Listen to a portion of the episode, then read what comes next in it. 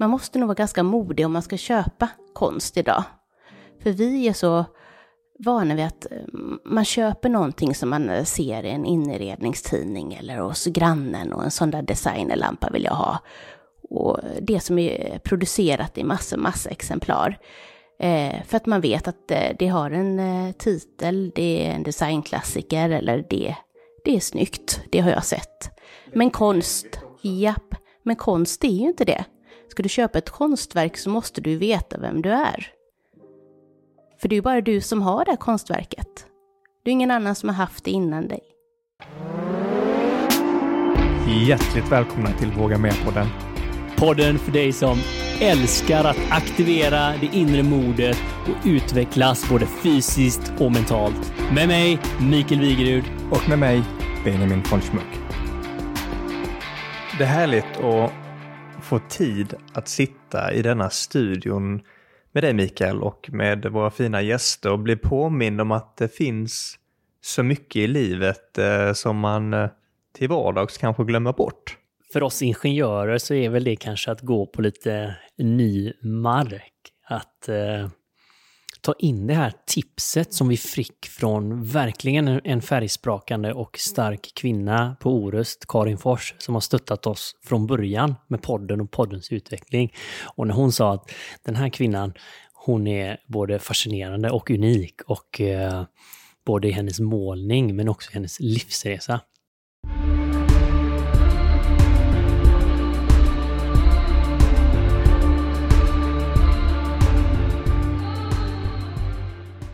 Idag är det riktigt färgsprakande i studion. Vi har fått in en eh, konstnär och kreatör eh, som sätter starka färgsprakande kvinnor på duk.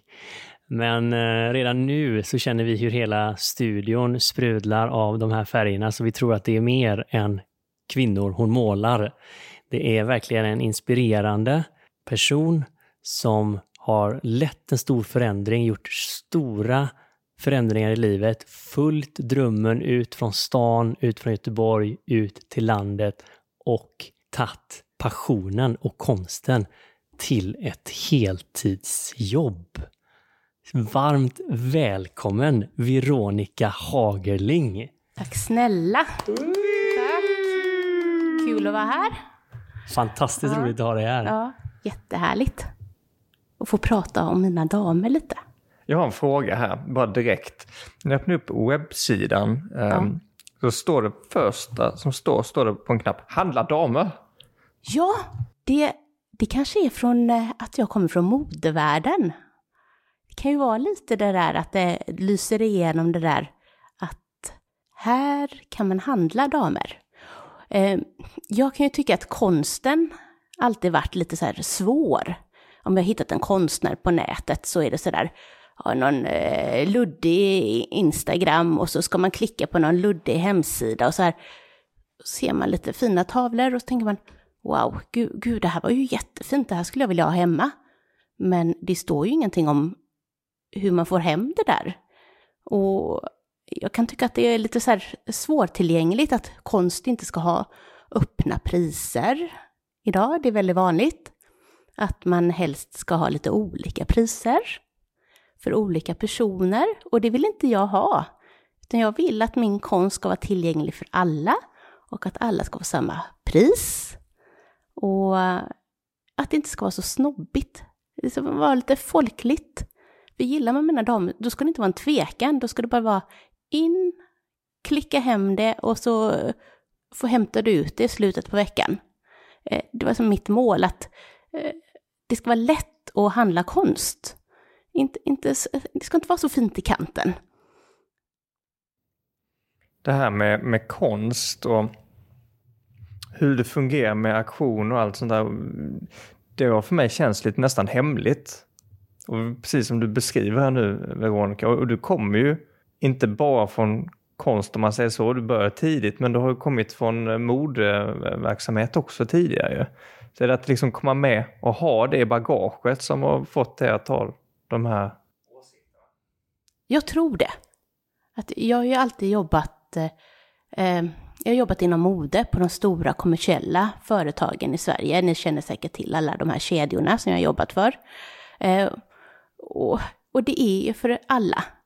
Och det kommer jag nog alltid ha med mig, att inte utesluta någon, att inkludera många och eh, som världen är full av fantastiska människor som jag vill eh, nå ut till med min konst. För jag vill ju sprida den här glädjen och passionen och det gör ju att jag kan hålla på med min konst också, att andra tycker om den.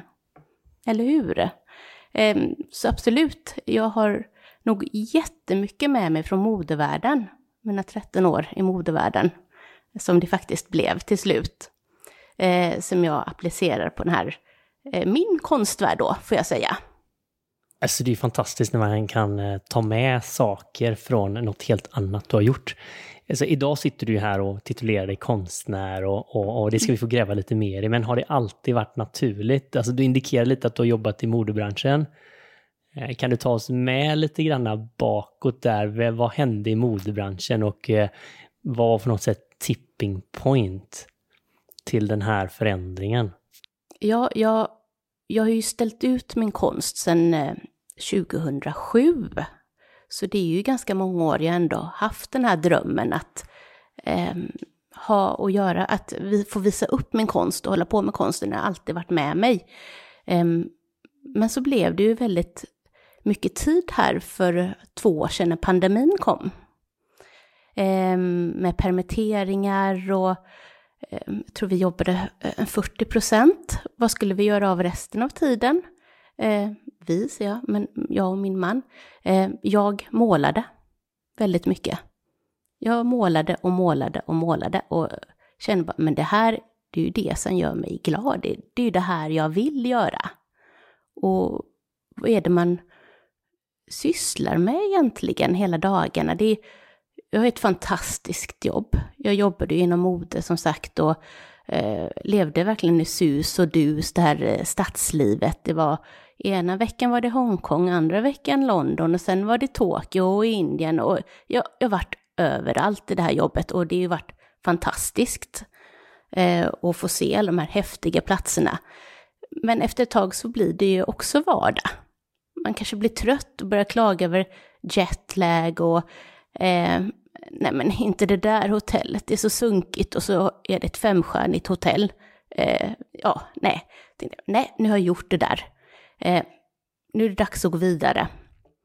Så du blev inte trött på måleriet Nej. under pandemin heller? Nej. Då fick du ju testat på flertal timmar. Ja, jag målade och målade och målade. alltså ja. det är fantastiskt att höra någon som har använt den tillgängliga tiden till något annat än att bygga altan. Ja, nej men... Nej men det kanske var att vi bodde i stan och inte hade någon altan att bygga. Nej men det, det, det är som, vi byggde om köket i vår lägenhet till en ateljéstudio, så vi flyttade ut matbordet eh, till vardagsrummet och så fick jag måla i köket. Eh, och det var ju fantastiskt. Och här föddes någonting, alltså någonting började spira av att du kände att jag tycker verkligen om att göra detta. Ja. Eh, och så började jag och min man, eh, vi fick ju som sagt väldigt mycket tid att tänka under den här tiden också använda sin hjärna, inte bara till jobb och eh, transportera sig till och från jobbet och till hämta på skola och ICA och allt det där, eh, ekorrhjulet. Att, ja, men vad skulle hända om eh, eh vi flyttar ut eh, till vårt landställe? Det var väl min man som öppnade den här frågan egentligen från första början. Jag var ju väldigt emot det här som stadstjej. Jag har bott i stan i stort sett hela livet.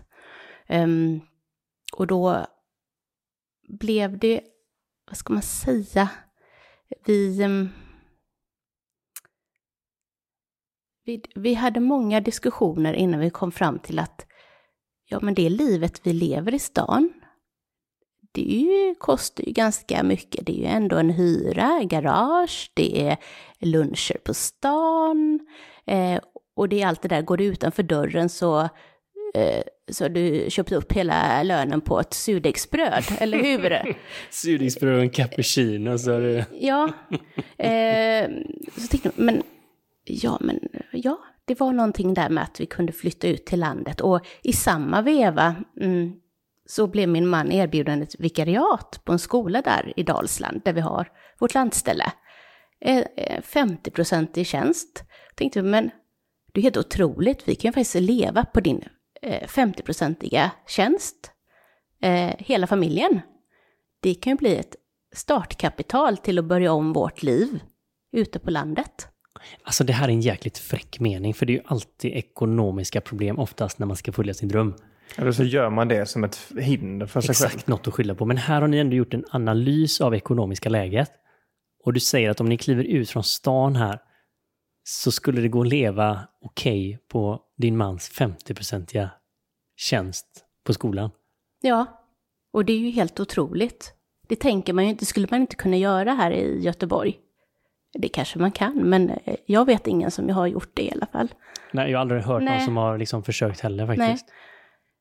Men sen eh, blev det ju så lyckosamt för eh, jag hade ju målat så väldigt mycket under pandemin. Så ringer min eh, vän Caroline, som också är konstnär, och säger nej, nu är det dags att söka till Liljevalchs eh, vårsalong, Veronica. Nu, nu gör du det. Och jag tänkte väl, nej men gud, ska jag göra det med de här eh, damerna? Det är, väl, det är väl ingen som tar dem på allvar. Eh, men jag sökte med fem damer, för man fick ju söka med fem verk, och kom med. Och det var ju en fantastisk start för mig och en bekräftelse. Eh, det är helt fantastiskt att komma med, jag tror det är 3000 sökande och 150 konstnärer som kommer med. Vad betyder detta för oss? eh, som Vad, vad är? Liljevalchs, Liljevalchs vårsalong är ju en, en stor eh, konstutställning i Stockholm som är varje år, där de tar in eh, både mest okända konstnärer eh, och det är en otroligt många besökare på den här utställningen och den blir alltid väldigt uppmärksammad. Ehm, och det ledde ju till att eh, jag fick ju full fart där med att starta företag och öppna en webbshop på hemsida och för nu var jag ju tvungen att finnas till som konstnär ifall det skulle finnas något intresse. Och det har det ju varit från dag ett att eh, vårsalongen öppnade. Eh, vilket jag absolut inte trodde att det skulle få en sån fart. Hur, hur var det vi misstänker att man står där med sina konst? Nej men det var ju så lustigt för det var ju lite pandemi då, för det var ju februari och det slog till igen. Så det var ju ingen eh, vernissage. Så det var ju, jag satt ju hemma med min dator och följde det som hände. Men Var det fortfarande folk som kom dit då? Eller hur, Ja, hur, det, jo hur, men hur man fick, hela jag tror settingen? att man fick förköpa biljetter så att det inte var för mycket folk inne samtidigt och så. Men det var så här, folk från Stockholm började höra av sig, ville köpa mina tavlor och eh, gallerister och andra människor som ville ställa ut och ha med mig att göra och alltså mig att göra, mina damer att göra ska jag väl säga. Det var ju de som fick den här berömmelsen i det hela. Nej men det var ju en fantastisk start, det var ju som ja, Guds gåva.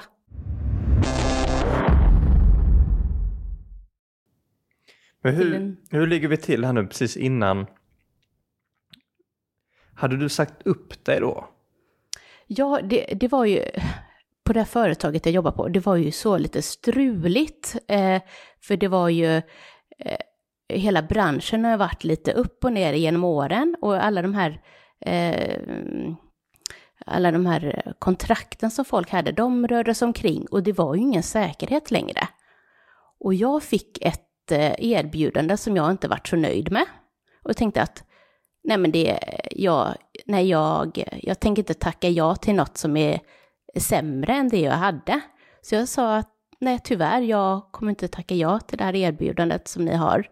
Eh, och det var ju ganska bra erbjudande egentligen med tanke på att det var pandemi och att eh, tiderna var som det var och att alla företag bara försökte rädda sina anställda och företag. Men jag hade väl där någonstans redan bestämt mig för att gå vidare med eh, något annat. Hur var det här beslutet, alltså att komma fram till det? Var det svårt eller var det enkelt? Ehm, det var några jobbiga veckor där. Med några eh, sömnlösa nätter och många diskussioner med min man kring middagsbordet. Och det var väl tur att han var så himla övertygad om att det skulle bli bra. För då är han på väg till Dalsland också. Han är på väg. Han, hade, han är redan där. Han var redan Han där. varit länge nu Ja. Mikael. Så det handlar om att övertyga dig att du ska Ja. våga släppa stan och bygga ett nytt Absolut. liv. Ja, det var det. Och han trivdes ju liksom från första dagen när vi kom dit. Och jag var ju fin med att ha det som eh, helgboende. Men han ville mer. Och eh, någonstans så övertalade han mig att men du kan ju måla. Ja, det kan jag ju, tänkte jag. Och det hade han ju rätt i, visade det sig. Så jag har ju kunnat leva på konsten från dag ett. Att jag öppnade upp eh, mitt företag. Alltså det är ju så jäkla häftigt alltså. Av allt man hör att du, måste hålla på och kämpa i massa år och det blir inga inkomster och... och... Nej, och jag tror att eh, startsträckan har ju kanske varit lång egentligen. Ehm, jag har gjort så mycket innan som har haft eh, andra grejer som är modebranschen och eh, det har ju varit eh, som sagt fantastiskt att få jobba med det.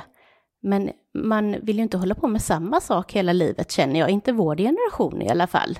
Och min pappa han jobbade på samma företag hela livet och eh, vart väl inte jättenöjd med det och så gick han bort eh, två månader efter att han gick i pension. Så det var ju också en eh, sån sak som fick mig att tänka till att man ska inte vänta så länge på att följa sina drömmar. Och jag känner väl också det där med att eh, just drömmar, att när man pratar med många om drömmar och så säger de Åh, och vad härligt att du gör det du drömmer om. Jag vet ju inte ens vad det är jag vill. Så folk vågar ju oftast inte drömma ens. De vet inte ens vad de...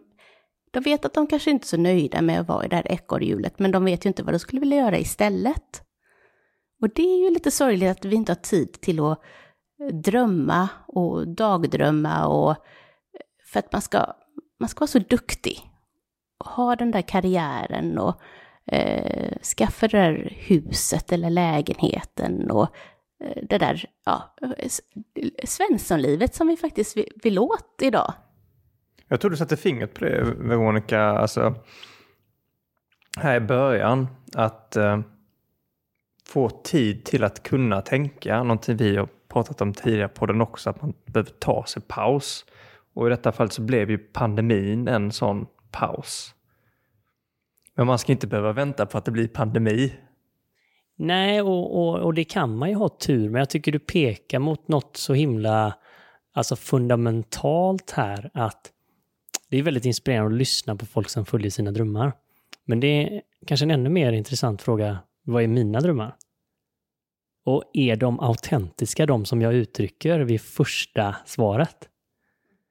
Och det fick mig att tänka på när Olle, min psykolog som har varit en viktig del i, i min process. Jag kommer ihåg första gången han verkligen tittade mig i ögonen så frågade han liksom, Mikael, men vad drömmer du om? Och då var jag precis så som du sa, jag var i ekorrhjulet, jag, jag hade massa liksom karriärströmmar och jobb och jag svarade ganska snabbt jobbrelaterade saker. Så såg jag att han var ganska ointresserad av mitt svar. Så sa men vad, vill, vad drömmer du om egentligen, Mikael? Och jag kommer ihåg det, att jag liksom kunde känna hur det var. Det fanns ingen koppling. Typ, jag kunde inte riktigt leta i mitt huvud i logiken. Och jag försökte liksom komma ner mot, mot, mot mitt hjärta typ och hitta någon djupare dröm. Alltså jag fattade ju ordet. Men jag märkte att shit, jag har tappat förmågan att drömma om mitt eget liv. Alltså det var jävligt sorgset. Jag gick ut därifrån och tänkte, vad har jag gjort? Var är drömmarna någonstans? Liksom, jag tittade upp mot himlen där, jag gick ut mitt i stan vid fiskekyrkan och bara, hallå! Vad fan har hänt? Var är ni någonstans? Vad drömmer jag om? Mm. Och många upplever jag som drömmer om att vinna på Lotto, att man vill ha gör, Pengar, mycket pengar. Du vill ha så här, åh gud, 300 miljoner vill jag ha. Men då får man ju tänka lite, men varför vill jag ha 300 miljoner? För att inte behöva jobba. Ja, Men vad, vad, vad skulle du göra då? Exakt. Och när, när jag har börjat tänka kring det där, liksom, vad är det man håller på med? Som, men jag vill ju måla och jag vill göra yin-yoga varje dag och dansa på altanen. Det är en del av min träningsform. Ja, men det, det, jag behöver inte vinna på Lotto för att göra allt det där. Som, det, oftast är det ju normala saker som ja. går att fullfölja utan alla de där eh, lottovinsterna. Det är ju en himla bra övning egentligen om man sitter där och tänker att pengar löser alla mina problem. Det är som om du har alla pengar, vad gör du då? Ja, då kanske man då reser jättemycket. Men sen när man kanske har gjort det ett halvår, vad gör man efter det? Någonstans måste man fylla livet med mening. Jag tänkte på en grej du, det här Mikael, när du sa att du stod där vid Fiskekyrkan. Det känns som att det borde varit rätt tomt där när man, vad är mina drömmar? Och idag sitter du här med massvis med drömmar. Vad har hänt däremellan? Men den frågan blev ju, jag skulle kalla den ett, ett smärtsamt startskott. Men den blev ju på något sätt hade jag ju drivit mitt liv i en riktning där detta inte hade varit viktigt. Och det var därför tror jag som jag hade mist kontakten lite grann, för jag hade inte gett det här någon tid. Jag hade väl tagit mig an mer drömmar som, alltså som man kör på en räls eller man säger man klättrar på en stege liksom. Att då drömde jag inom de ramarna på stegen som håller varje steg. Men det var ju väldigt smal bandbredd. Liksom en riktig dröm har ju oändligheten åt båda hållen. Den är, har ju allt från att måla tanter till att åka till Indien på tantrakurs eller eh, vandra i bergen i Himalaya. Men det krävde ett annat utrymme och det krävde ju en annan kontakt med mig själv. Och det krävde ju till och med så mycket som att kanske inse att just nu så går mitt liv i en riktning som inte går i linje med mina drömmar. Där blev det ju i logiken väldigt mycket konflikt och var ju lite avstängt skulle jag säga. För att jag hade pressat mig till ett läge så hade jag behövt att stänga av lite delar av vem jag egentligen var. Och börja liksom, den frågan, när jag stod där och tittade upp mot himlen, den började ju skaka liv i den där killen som ville drömma stora drömmar, som inte ville köra ekorrhjulet, som ville utforska yogan och förstå sig själv på ett helt nytt sätt och upptäcka massa äventyr. Ja, det är ju så himla viktigt det där med att våga drömma och våga fråga sig själv vad vill jag? Och de flesta kanske är rädda för att eh, få svaret, inte det här, för att man vet inte hur man ska ta det vidare, för att ja, man har ju de där som vi pratar om, ekonomiska grejerna att tänka på med hyra och garage och allt vad det är man ska betala. Eh, och, och, det är ju så fruktansvärt sorgligt att det ska behöva vara så. Oh. För det kostar ju inget att drömma egentligen. Det kostar ju ingenting. Och det kan ju sätta ett frö till att ja, men jag går den där kursen i hur man skriver en roman. Eh, och så kanske man skriver. Jag fick ett tips en gång att, för jag gick eh, hos en coach ett tag, som, för jag hade fastnat i det här att jag inte målade så mycket och hur ska jag komma igång. Men hon sa att men du har sju minuter varje dag. Sätt dig sju minuter och eh, måla. Du får inte måla mer, men sju minuter, för då kommer du få igång lusten. Se vad som händer med det. Och sen kanske du kan öka till en kvart om dagen. För du har en kvart om dagen. Eller hur? Om du känner någon dag att nej, jag ska inte måla idag, jag är, så sur och trött på det här, jag kommer inte, oh, usch, det går inget bra. Nej, men pilla lite med penslarna och sortera dem i färgordning eller eh, i storleksordning. Och eh, gör ordning där i den där lilla eh, målarlådan. För att komma igång med eh, just lusten. Mm. Man ska få det på rutin då? Mm. Få in det i din vardag. Och till slut så kanske det blir att det tar över. När är du som mest kreativ under dagen? Ja, men det är jag på morgonen, på förmiddagarna. Ja, så jag går alltid upp på morgonen eh, och lämnar min dotter på skolan och sen när jag kommer hem till ateljén så mediterar jag i 22 minuter. Eh, för att liksom landa hemma att eh, ja, jag har min ateljé hemma, vilket är väldigt skönt också, att man inte behöver pendla till jobbet varje dag. Eh, Och efter det så eh, tar jag en andra kopp kaffe och sätter mig och målar. Sätter på en podd, musik eller ljudbok och så målar jag ett par timmar. Och sen tar jag en eh, längre paus. Eh, för det blir väldigt intensiva timmar där det, och till slut blir det bara, det bara ser för jävligt ut efter några timmar. Och då tänker man, nej, nu, nu är det dags att stanna här för det, eh, det här blir inget bra. Så det är på förmiddagarna som är allra bäst. Och sen på eftermiddagarna kanske jag håller på med lite sådana här eh, bokföringsgrejer, packa paket till kunder, eh, ja, lite, det, lite mer torra, Lite där det inte behövs. Entreprenörssysslor som man får göra också. Ja, lite det där, man får vara lite allt i allo. Ja. Japp. Lite hustling. Ja. Men det älskar vi ju som, som entreprenör, så kan man inte skicka iväg det på någon annan. Du kan inte ringa packavdelningen. ja, och det är lite skönt för jag gillar ju att bestämma allt själv, så jag har ju hamnat rätt på så sätt. Men det är fräckt, här har ju du designat ditt sätt att jobba. Det är ju väldigt annorlunda mot när man får ett paket på ett stort moderbolag, att så här jobbar man.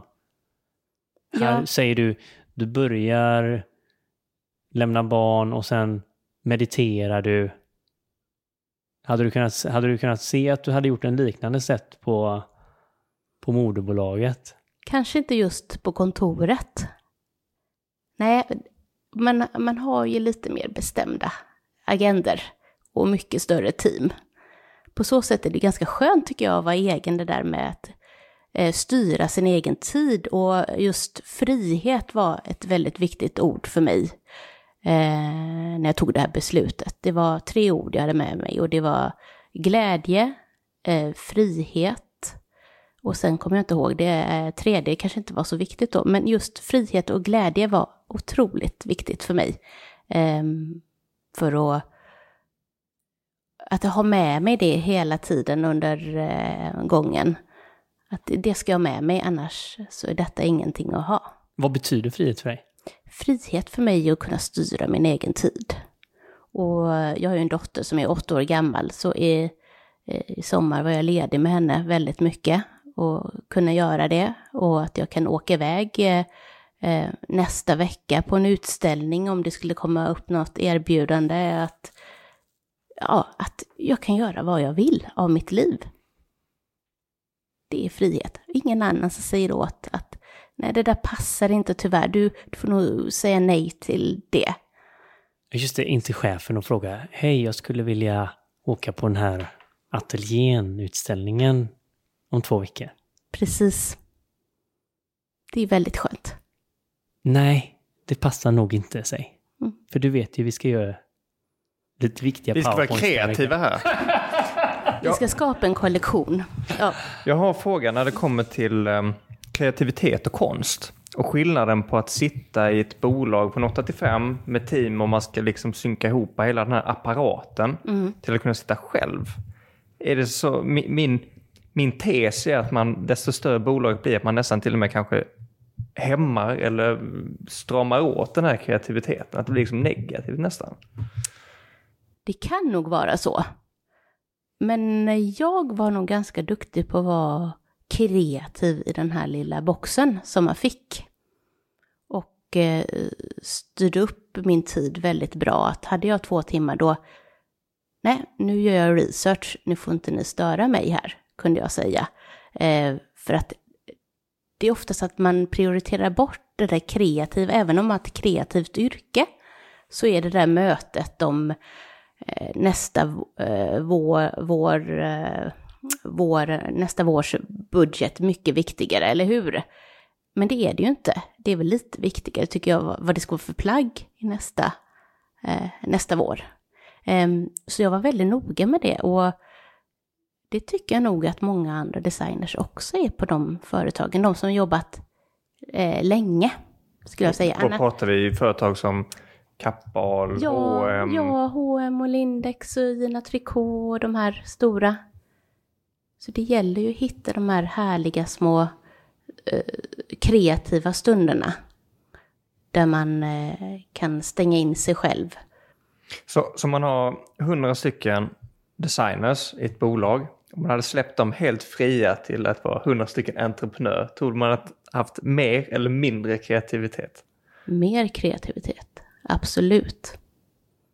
Och betydligt mycket mindre organisation och struktur. Ja, Så kanske det hade kanske inte varit så många som hade kunnat sälja sin konst i och Nej. för sig. nej, nej, kanske inte. Men eh, ja, det hade varit härligt att testa. Ja, det Det hade jag jag. gärna gjort.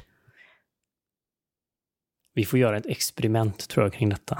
Det, det är ju en oerhört intressant fråga. Alltså, du och jag Benjamin som kommer från ingenjörsutbildningar och eh, ingenjörsvärlden Mm. eh, som kanske är den starkaste apparaten i att döda kreativitet står ju ändå inför en utmaning att vara extremt kreativ. Alltså det får man väl tacka Steve Jobs för lite för att liksom kicka, av, kicka in kreativiteten i tekniken. Och idag så ska alla de här organisationerna vara innovativa, kreativa, men man ser väl att de här apparaterna man har byggt och så som man har skapat jobben inte stimulerar det för fem öre. Så det är ju väldigt spännande. Det är ju på supermycket på tapeten ju i Silicon Valley och på alla techbolag. Och man bjuder inte meditation och har starka meditationsprogram och sånt. Så, men det känns som fortfarande i Sverige att vi, vi har en rätt så bra bit att komma till att det Jag tror att vi försöker eh, med det och de företagen jag har jobbat på, eh, där har det verkligen, man har verkligen försökt, men det är väldigt svårt eh, i en stor organisation. Eh, för det är så många människor och alla människor och alla yrken i den här organisationen har ju olika krav på vad som behövs för att jag ska kunna utföra mitt arbete. Eh, Men jag tycker att man börjar förstå det här eh, mer och mer. Så jag, jag tror att det kommer ske inom tio år. Kommer vi nog se stora förändringar. Idag så, du kom ju från Dalsland, du tog tåget ner till Göteborg. Ja, Så din man lyckades övertala dig. jag visste det är härligt och det har jag ju inte ångrat.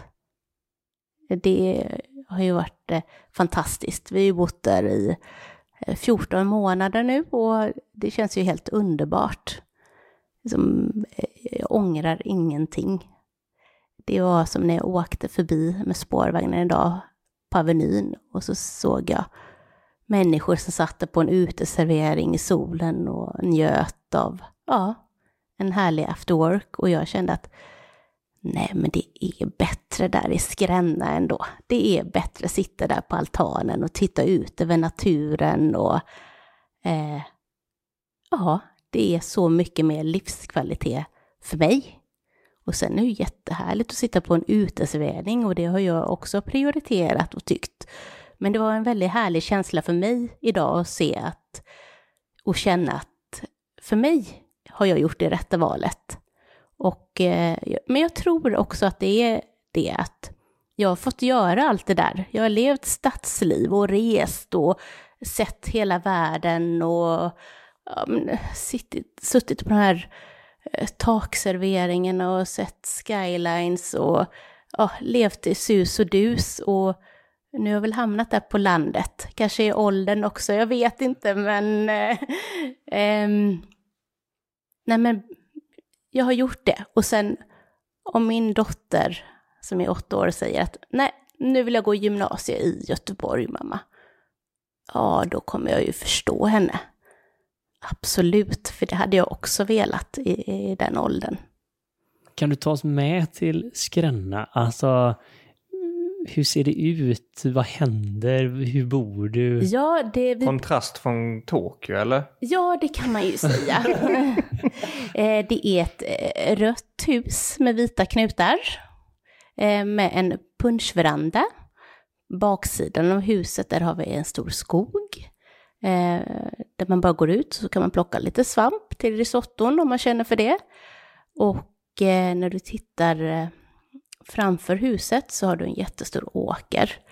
Eh, Så det är både det här lite eh, mystiska John Bauer-skogen i bakgrunden och så har du den vackra åken framför huset. Och eh, Skränna består av, eh, jag tror det är fem hus. Så det är inte större än Det är en så. sådan metropol alltså. Nej, jag, jag vet inte eh, hur grannarna ser ut som bor på andra sidan i stort sett, för jag ser dem aldrig. Det är kanske både bra och dåligt, men jag tycker det är lite skönt. Men just det där att man kan gå ut, att eh, gå ut med kaffekoppen klockan sju på morgonen och eh, se dimman över åken och plocka med en bukett eh, blommor och sen gå in och ha en fantastisk blombukett på frukostbordet. Eh, det är livskvalitet för mig. Eh, och så har ju min man då naturligtvis bakat där på morgonen. Så, så surdegsbrödet kommer ändå? Ja, absolut. Med nyslungad honung. Från biodlingen? Japp. Så ni har lite husdjur redan också? Ja, och så två katter. Men det fick vi ju locka vår dotter med att vi skulle ha två katter om vi skulle flytta till landet. Everything has a price. Ja, ja för hon har fått flytta också och lämna kompisar och byta skola. Och... Ja, men vi gjorde det lite smart där tycker vi själva då. Men nu längtar hon ju tillbaka naturligtvis också lite. Men hon fick gå klart vårterminen så att hon fick börja höstterminen i Dalsland. Så vi fick ju vänta lite där på våren. Det var därför vi flyttade på sommaren för att eh, det skulle bli ett eh, bra avslut där. Så annars har vi nog flyttat lite tidigare tror jag. Jag tänkte fråga dig med facit i hand nu när ni har fått testa på um, båda extremerna kan man säga med, med att både bo i Sveriges näst största stad, Göteborg, och nu verkligen bo, höll jag på att säga, på landet, men även vid skog. Med facit i hand hade ni flyttat ännu tidigare? Nej. Tio år sedan? Nej, aldrig. Nej, det hade vi nog inte gjort både jag och min man, vi är väldigt eh, sociala och har älskat eh, stadslivet. Så det är absolut inte, men eh, vi har ju den stora turen att folk gärna vill eh, komma och hälsa på oss. Så vi har gäster väldigt ofta och har ett gästrum så det är ju fantastiskt att ha det så. Och då blir det ju väldigt mycket, blir att man umgås väldigt mycket mer, för det blir ju fredag till söndag. Det blir mycket mer kvalitetstid och helt andra samtal och ja, eh, man lär ju känna de här vännerna på djupet på ett annat sätt i och med att man kan bo hos oss då under tiden. Så det är ju alltid en ekonomisk fråga detta. Och du var lite inne på det, du indikerar att ni hade ett helt annat kostnadsläge. Hur gör man detta ekonomiskt? Alltså hur går det till alla som tänker att det här är omöjligt och det är pengarna som kommer att bromsa mina idéer och drömmar och min kreativitet? Ja, då säger jag bara så här, sälj din bostadsrätt och köp ett hus i Dalsland. Det är mitt tips. Vad kostar ett hus i Dalsland? Ja, det, nu har de ju gått upp lite så vi köpte ju det här huset för några år sedan, vilket var tur för oss då, men jag tror vi köpte vårt hus för 500 000. Så man kan köpa fyra hus i Dalsland eller en etta i Göteborg? Ja. Det är ingår något att tänka på. Också då? då ingår en eh, stor grusplan med, du kan ha tio bilar. Så det här är den stora skillnaden egentligen, först hela bostads... Ja, och att eh, som jag tycker att vi bor ju mycket bättre i Dalsland än vad vi bodde i Göteborg. Där kan man väl egentligen rent automatiskt räkna bort mycket av kostnader som räntekostnader och sånt om man skulle då byta upp sig från en lägenhet till ja, ett mindre hus i Göteborg eller en stor lägenhet mer centralt och så hamnar man på 4-5 miljoner så har man kanske 3,5 miljoner i lån eller någonting. Ja, för du sa att ni tittade hus i Göteborg lite innan den här idén tog form. Ja, men det gjorde vi när vi kände att vi behövde större. Vi bodde i en tvåa och så fick vi barn och tänkte att vi måste ju på sikt kommer vi behöva bo större eller kommer vilja bo större. Och vi kollade runt och tänkte vi att nej, men det här, det går inte. Och det var, det var då vi tänkte att nej men vi köper ett hus, ett, ett fritidshus, så att vi kan vara borta på helgerna. Eh, och då visste vi att priserna var väldigt bra i Dalsland och kollade där. Eh, så det var första planen var att vi skulle ha ett bo i huset på helgerna och bo i lägenhet och ha stadslivet eh, på vardagarna. Samtidigt som vi eh, var på jobbet. Men det blev ju bara, måndag till fredag var ju bara ekorrhjul. Och varje söndag så var det sådär, åh, ska vi, ska vi åka till det där ekorrhjulet igen? Nej, vi vill inte. Man tog en sista titt över naturen innan man satte sig i bilen och, eh, och far iväg. Med lite sorg i hjärtat att man var tvungen att lämna det här fantastiska stället på jorden. Så den här vardagslyxen att komma iväg från eh, stadslivet eh, ut till det här nästan retreatet och bara för helgen, det blev någonting mer? Ja, nu har vi ju semester jämt känns det som, tycker jag. Och så kan man åka till Göteborg eller Stockholm. Nu bor vi ju närmare Stockholm än vad vi gjorde tidigare, så och eh, det är ju inte jättejobbigt att resa idag. Det är ju ganska enkelt faktiskt. Jag har en och en halv timme till Göteborg om jag skulle bli sugen.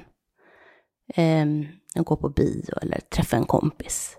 Jag har ju åkt till London över dagen. Jag tänker jag kan väl åka till Göteborg över dagen för att ta en lunch med en kompis jag saknat. Eh, så svårt är det ju inte.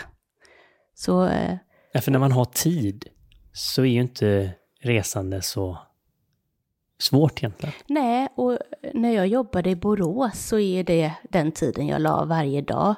Eh, då la jag ju kanske fyra timmar varje dag på att ta mig till och från jobbet.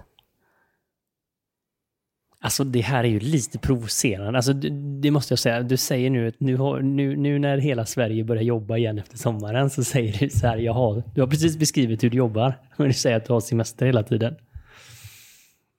Och... Håller Mikael på att explodera här i studion? jag brukar ju säga detta själv, men jag har slutat lite för det är lite provocerande. Och ja, det var ju en barndomsmän, eh, barndomsvän till mig som frågade, men när ska du börja jobba igen Veronica? Aldrig. Och så tänkte jag, jo men, det, ja, jo men det ska jag i augusti. Jag jobbar ju som konstnär nu faktiskt. Men det var sådär, vadå jobba? Jag jobbar inte. Jag, jag lever. Men det är så jäkla fint att du säger detta, för det här är så inrotat i vårt DNA, jobb, semester och den här uppdelningen. Det finns, du säger jag lever. Ja, det, det är helt underbart att man får lov att göra det. Och du lever med dina tanter, alltså med dina kvinnor. Ja. Eh, alltså, kan vi inte få lära känna dem? Vilka är de? Och... Jo, men de är lite speciella. Jag kan berätta hur de kom till. Ehm, I och med att jag har den modebakgrunden så var det sådär att jag ville så jätte, jättegärna göra så här vackra modeillustrationer och det skulle vara, jag vet inte om ni har sett Liselott Watkins var jättestor för 20 år sedan och gjorde så här ja, fantastiska kvinnoporträtt med i modesammanhang. Och jag hade en sån dröm, jag ville alltid eh, rita och måla som hon. Och, men det blir ju inte bra när man ska försöka vara någon annan. Eh, och så var jag på en eh, sommarkurs, eh, en målerikurs, och så tänkte jag, nej, den här sommaren ska jag satsa på att lära mig göra porträtt. Eh, jag ska göra porträtt, för jag hade målat väldigt mycket blommor innan och ja, lite andra grejer. Eh, och det blev inte bra. Jag tog penseln och målade och målade. Och det såg ut som att det var jag, 12 år, som hade gjort de här kvinnorna. Och jag skämdes. Jag blev så arg. Så jag tog fram palettkniven och bara smetade upp de här eh, damerna som det blev. Och det blev ju ganska grova drag i och med att jag inte använde penseln. Um, så de såg ju förskräckliga ut tyckte jag. Det här var inte alls de här vackra modeillustrationerna som jag hade tänkt att det skulle bli från början. De här damerna, de, de var ju så här, det var ju starka damer, men de var inte så där vackra. Och då kom en av um, handledarna på den här kursen fram till mig. Men Veronica, det här kan ju du leva på. Detta var ju flera, flera år sedan och jag tänkte, du vet inte vad du snackar om. Det här går inte att leva på. Så han redan visste precis. Ja, han, var, han var ju en äldre man, konstnär, och han hade ju levt. Han såg ju något jag inte såg just då. Men det lustiga var ju att eh, jag la ju ner de här damerna och alla tyckte åh vad härligt, vad kul, åh, på den här kursen. Och jag, jag vart ju lite missnöjd när jag åkte därifrån med de här i väskan. Men sen tog jag fram dem efter några veckor. Ja, men det kanske är någonting. Jag ska nog måla lite till, måla några till. Och sen dess har jag aldrig kunnat sluta måla de här damerna. Och de utvecklar jag ju hela tiden. Och det är som att när jag börjar måla så vet jag aldrig vad det ska bli i slutändan. Ehm, det är bara att börja måla. Ta färger eh, du vill ha och uh, måla på. Och helt plötsligt så har jag en dam framför mig. Och då vet jag, ja, ah, nu är hon klar. Och ibland vill de ha lite extra bijouterier och glasögon och smycken. Och en del är riktiga skator liksom. Så gick det till. Riktiga skator, inga grå råttor. Nej, absolut inte. Ja, för du börjar här med att säga det här skatcitatet. Jag har fortfarande försökt förstå mig på det, men hellre en skata... Än en grå mus. Det är Camilla Thulin, en modedesigner, som sa det en gång i en intervju och det har jag fastnat för.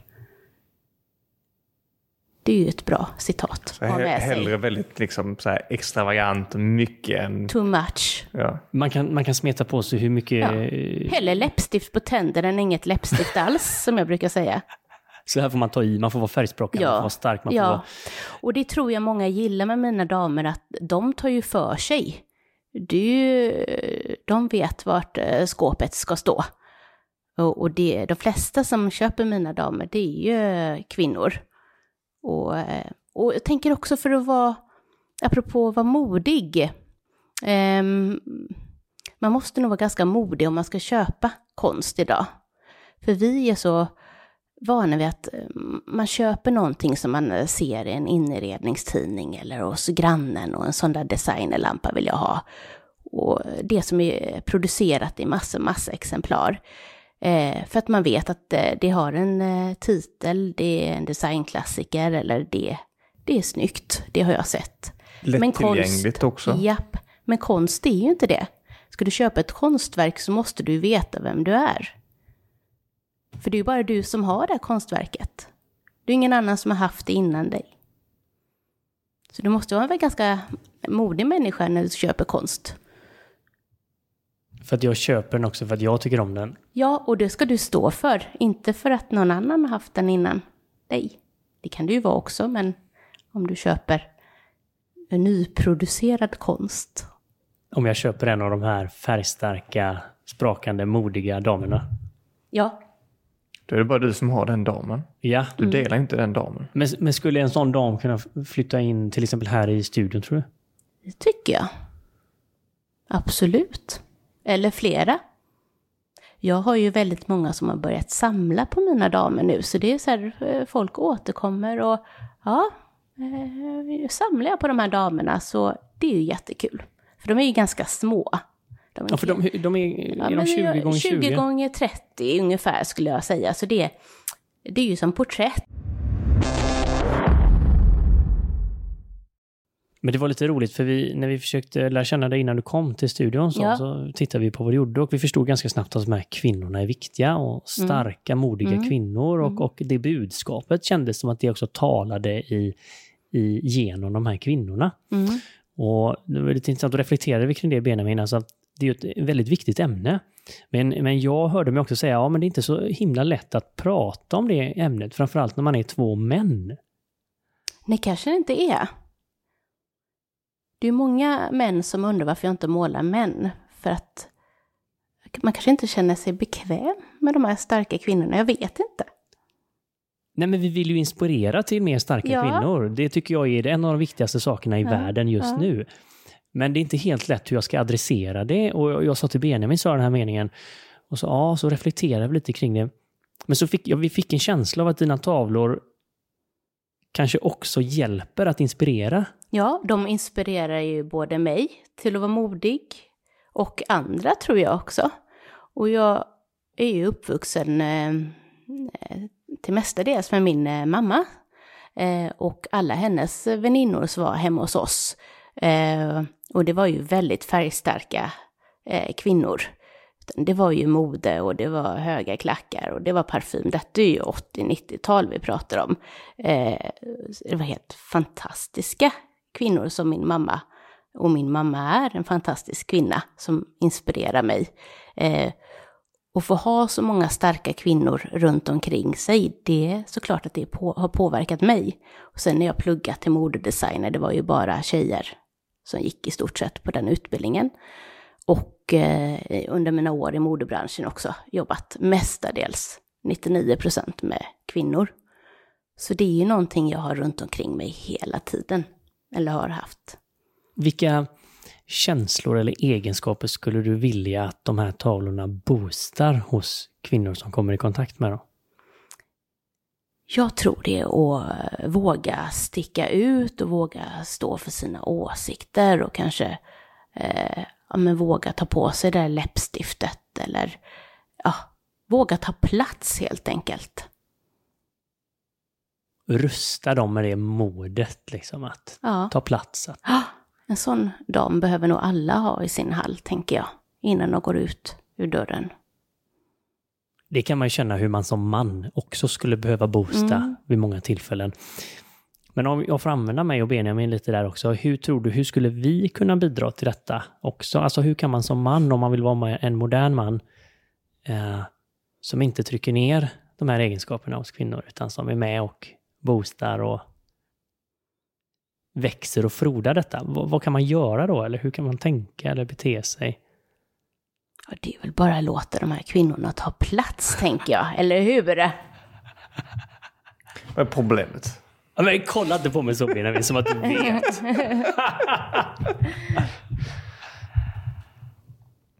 Hur gör man det då? Ja, men bjud in ett gäng damer hit till studion kanske. Det är kanske är första steget.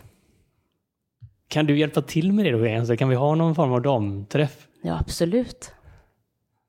Nu ser du lite nervös ut, Benjamin. Nej, jag ler med hela ansiktet. Någonting som det här senaste samtalet fick mig att tänka på, det här med starka kvinnor.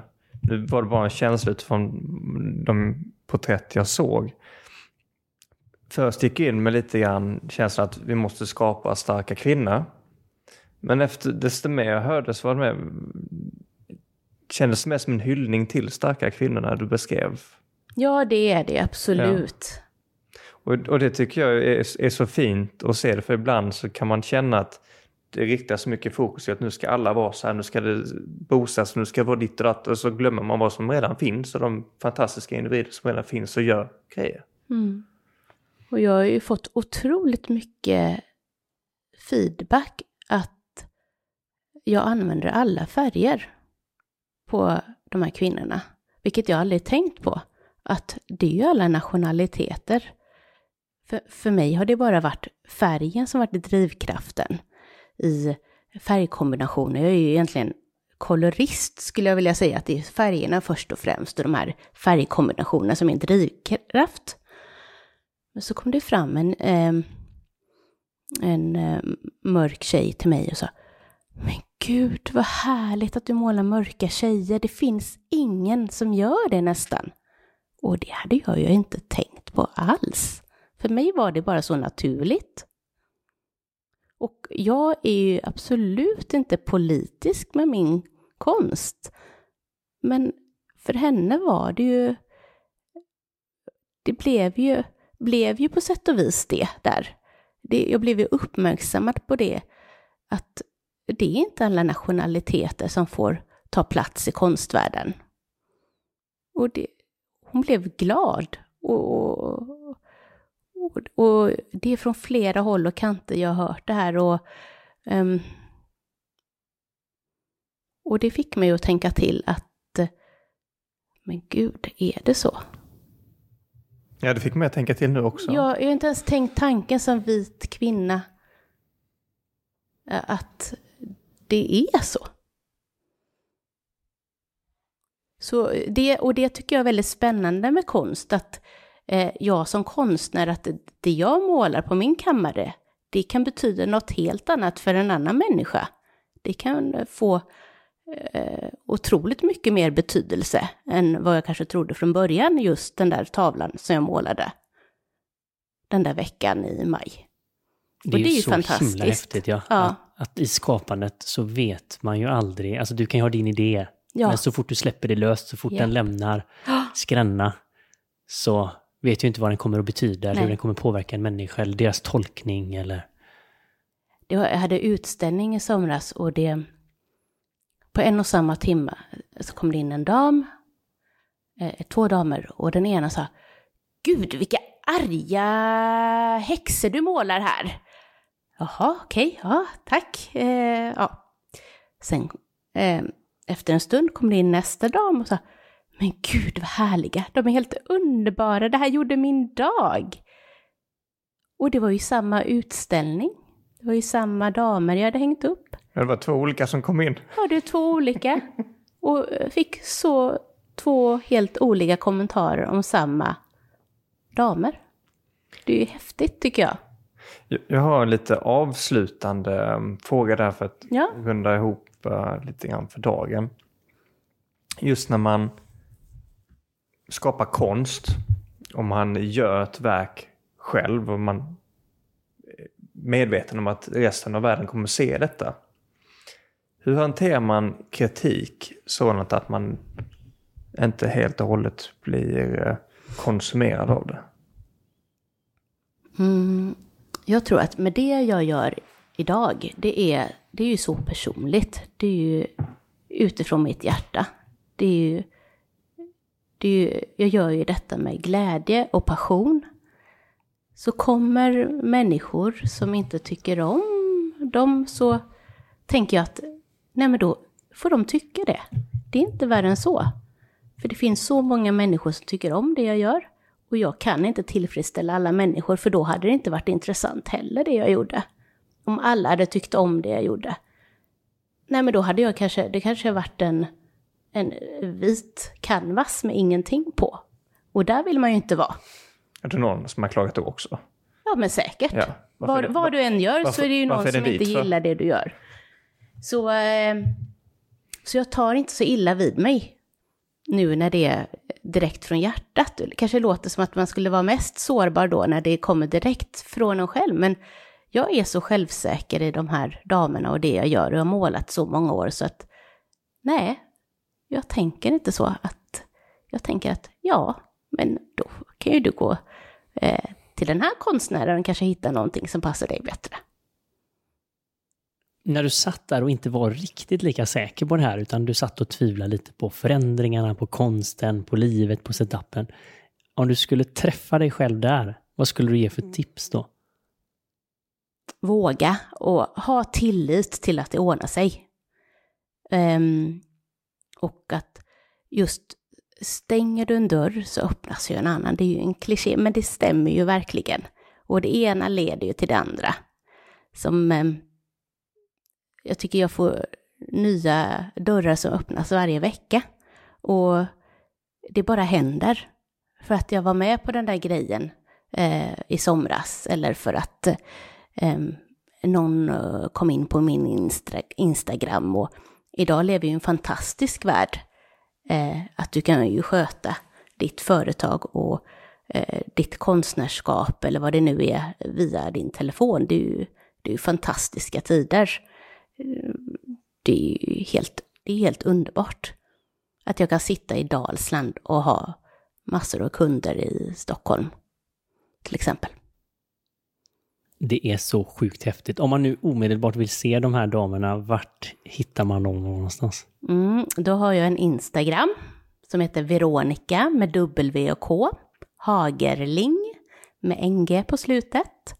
Och sen har jag även ett Instagramkonto där jag har lite mer om eh, mitt eh, lantliv som heter Dalslands eh, drömmar, drömmar då, Dalslands drömmar. Så där hittar man mig. Och så har jag en hemsida, men den kan man ju, eh, den är länkad på Instagramkontot, så det kan man gå in och kolla på.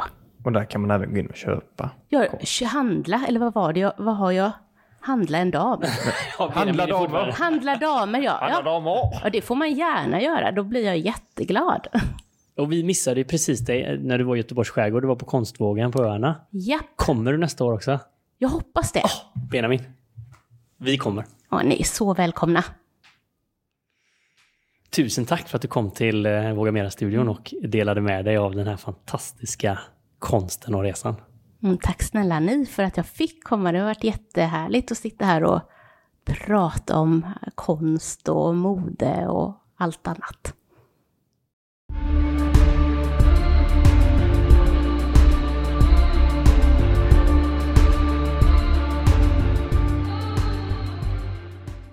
Du har precis lyssnat på Våga Mer-podden med mig, Benjamin. Och med mig, Mikael. Vill du höra mer av oss så måste ni ju såklart prenumerera på podden. Och det gör ni genom att ni klickar i den här klockikonen där poddar finns. Det brukar vara som en, en liten, liten, liten ikon. Så se till att ni hittar den så är ni med nästa avsnitt och nästa igen och nästa igen och nästa igen och ni är alltid uppdaterade. Och är det en sak som vi verkligen tycker om i Våga Mera-podden så är det ju att vi tillsammans engagerar oss. Så in på våra sociala kanaler, kommentera, dela och inspirera varandra. Ha en magisk vecka till nästa gång så syns vi snart igen.